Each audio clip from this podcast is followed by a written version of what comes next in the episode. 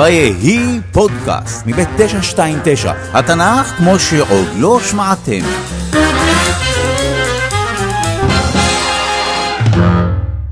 זהו הסיפור על יעקב ועשו. חלק ראשון, התאומים. אז ככה, ליצחק ורבקה נולדו תאומים. תאומים שאלוהים הבטיח לרבקה שהם בעצם יהיו שני עמים.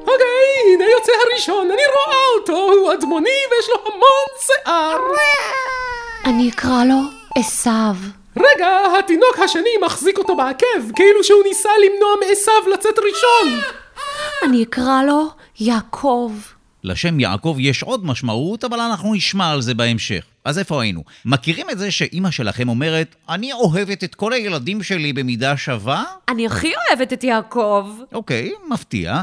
מצד שני, יצחק העדיף את עשיו. אני אוהב את עשיו, כי ציד בפיו. אוקיי, זו סיבה, אני לא שופט. אני צמחוני ולא ממש מתחבר לציד, אז אני קצת שופט. בכל מקרה, חשוב לספר שעשיו באמת גדל להיות צייד, ויעקב גדל להיות רועה צאן. אה, אה, אפשר להנמיך את החליל בבקשה? תודה. חלק שני, הבכורה והברכה. אז עשיו ויעקב היו תאומים, אבל עשיו שיצא ראשון נחשב לבכור, ויש לזה משמעות. באותה התקופה הבן הבכור קיבל חלק גדול יותר בירושה, אבל ליעקב היו תוכניות אחרות. יום אחד, כשעשיו יצא לצוד, יעקב הכין נזיד, שזה תבשיל. זה נורא פשוט.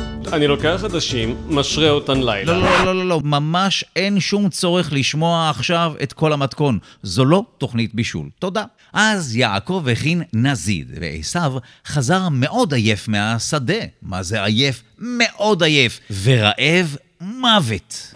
וואו, אני רעב מוות. אמרתי לכם. מה זה, מה, מה, מה בישלת שם? זה, זה אדום כזה. זה נזיד עדשים, מאוד פשוט. אני לוקח עדשים, אני משרה אותן, במקביל אני מרתיח מים עם מסבי טיבול. לא, לא, אין שום צורך לשמוע עכשיו את כל המתכון. בוא, בוא פשוט נקרא לזה האדום האדום הזה. אז אתה נותן לי מהאדום האדום? תזכרו את העניין עם האדום אדום, נגיע לזה בסוף הפרק, וזה קשור לעם שנקרא אדום. מה דעתך על זה?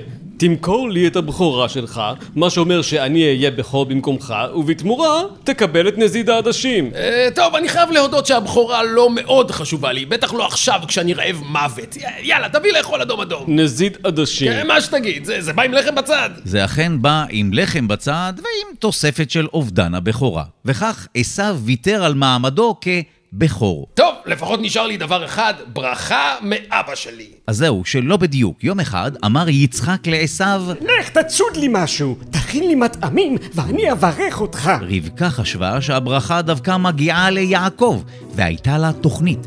יעקב יתחזה לעשיו ויקבל את הברכה בעצמו. אני הכי אוהבת את יעקב. כן, כן, ברור. היא הלבישה את יעקב בבגדים של עשיו. הנה, אלה הבגדים של עשיו. אבא שלך כבר לא רואה כל כך טוב, הוא יהיה בטוח שאתה עשיו. כן, אבל עשיו שעיר לגמרי. גם על זה חשבתי. הנה, שים את זה על הידיים ועל הצוואר. איף, מה זה? יש לזה ריח של אור של גדי. אה, כי זה אור של גדי.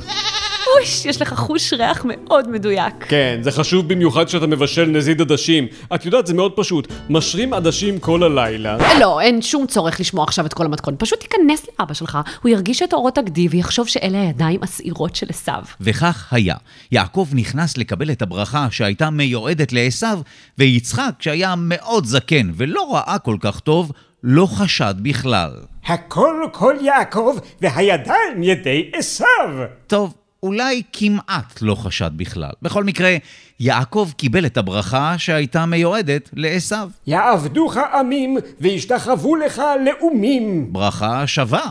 עכשיו תארו לעצמכם כמה יצחק התפלא כשלא הרבה זמן לאחר מכן נכנס עוד מישהו לאוהל עם מטעמים מבשר, מישהו שנשמע ומריח כמו עשיו, כי זה היה עשיו האמיתי.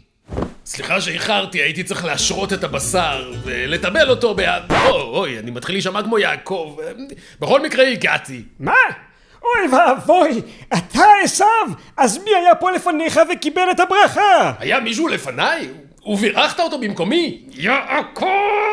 לא סתם קוראים לו יעקב, כי עקוב עקבני פעמיים! זוכרים שאמרתי לכם שלשם יעקב יש עוד משמעות? אז בשפה התנ"כית לעקוב זה לרמות, לעבוד על מישהו. פעמיים!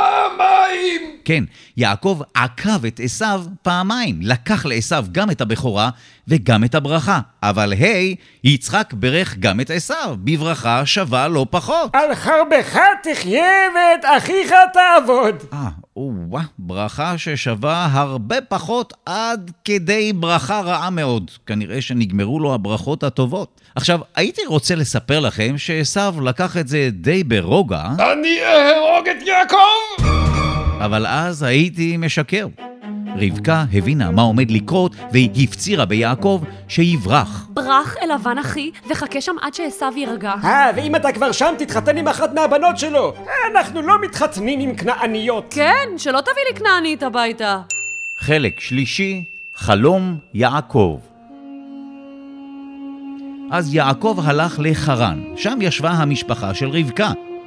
אבל בדרך הוא עצר ליד עיר ששמה לוז, והחליט לישון שם על הארץ. אני אקח את האבן הזאת, אשים אותה מתחת לראש ואדמיין שהיא כרית נעימה.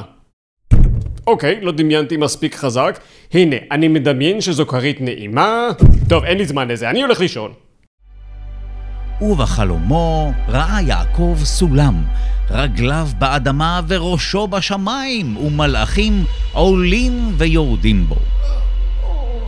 נו, אתה בא? רגע, הידיים שלי ממש עייפות! זה הזמן לציין שבשפה התנ"כית למילה סולם כנראה הייתה משמעות אחרת. הכוונה הייתה כנראה למדרגות. עכשיו נוח. כן, לגמרי. באותו חלום נגלה אלוהים ליעקב, הבטיח לתת לו ולצאצאיו את הארץ, והבטיח לשמור עליו. יעקב התעורר, והבין שהוא נמצא במקום קדוש. זה ממש שער השמיים. יעקב לקח את האבן שעליה ישן, הפך אותה למצבה ונתן לעיר לוז שם חדש. סביוני שער השמיים? לא. שער השמיים עילית. לא. רגע, יש לי רעיון יותר טוב. בית אל. ובית אל באמת הייתה ידועה כמקום קדוש בתקופת התנ"ך. חלק רביעי, לאה ורחל.